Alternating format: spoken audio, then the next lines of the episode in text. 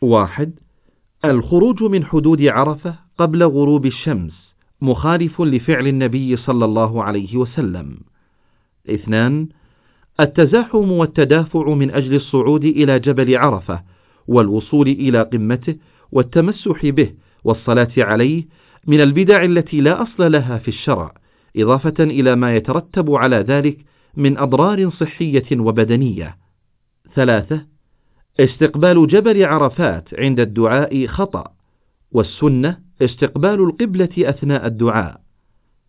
أربعة: الانصراف بعد الوصول إلى المزدلفة لالتقاط الحصى قبل أداء صلاتي المغرب والعشاء خطأ، والصواب صلاة المغرب والعشاء جمعا وقصرا فور الوصول إلى المزدلفة. خمسة: الاعتقاد بأن حصى الجمار لا بد أن تلتقط من مزدلفة من الأخطاء الشائعة. ستة: غسل حصى الجمار خطأ.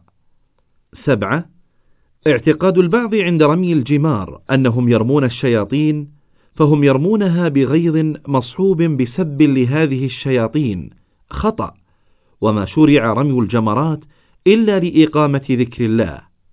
ثمانية: رمي الجمرات بحصى كبيرة أو بالأحذية أو الأخشاب. خطأ، وهذا غلو في الدين. نهى عنه المصطفى صلى الله عليه وسلم. تسعة: التزاحم والتقاتل عند رمي الجمرات من أجل الرمي خطأ جسيم، والواجب على الحاج الرفق بإخوانه وتحري الرمي في المكان الصحيح داخل الحوض سواء أصابت العمود أم لم تصبه. عشرة.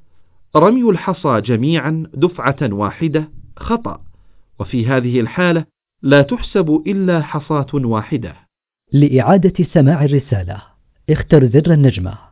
للعودة إلى القائمة السابقة اختر زر المربع.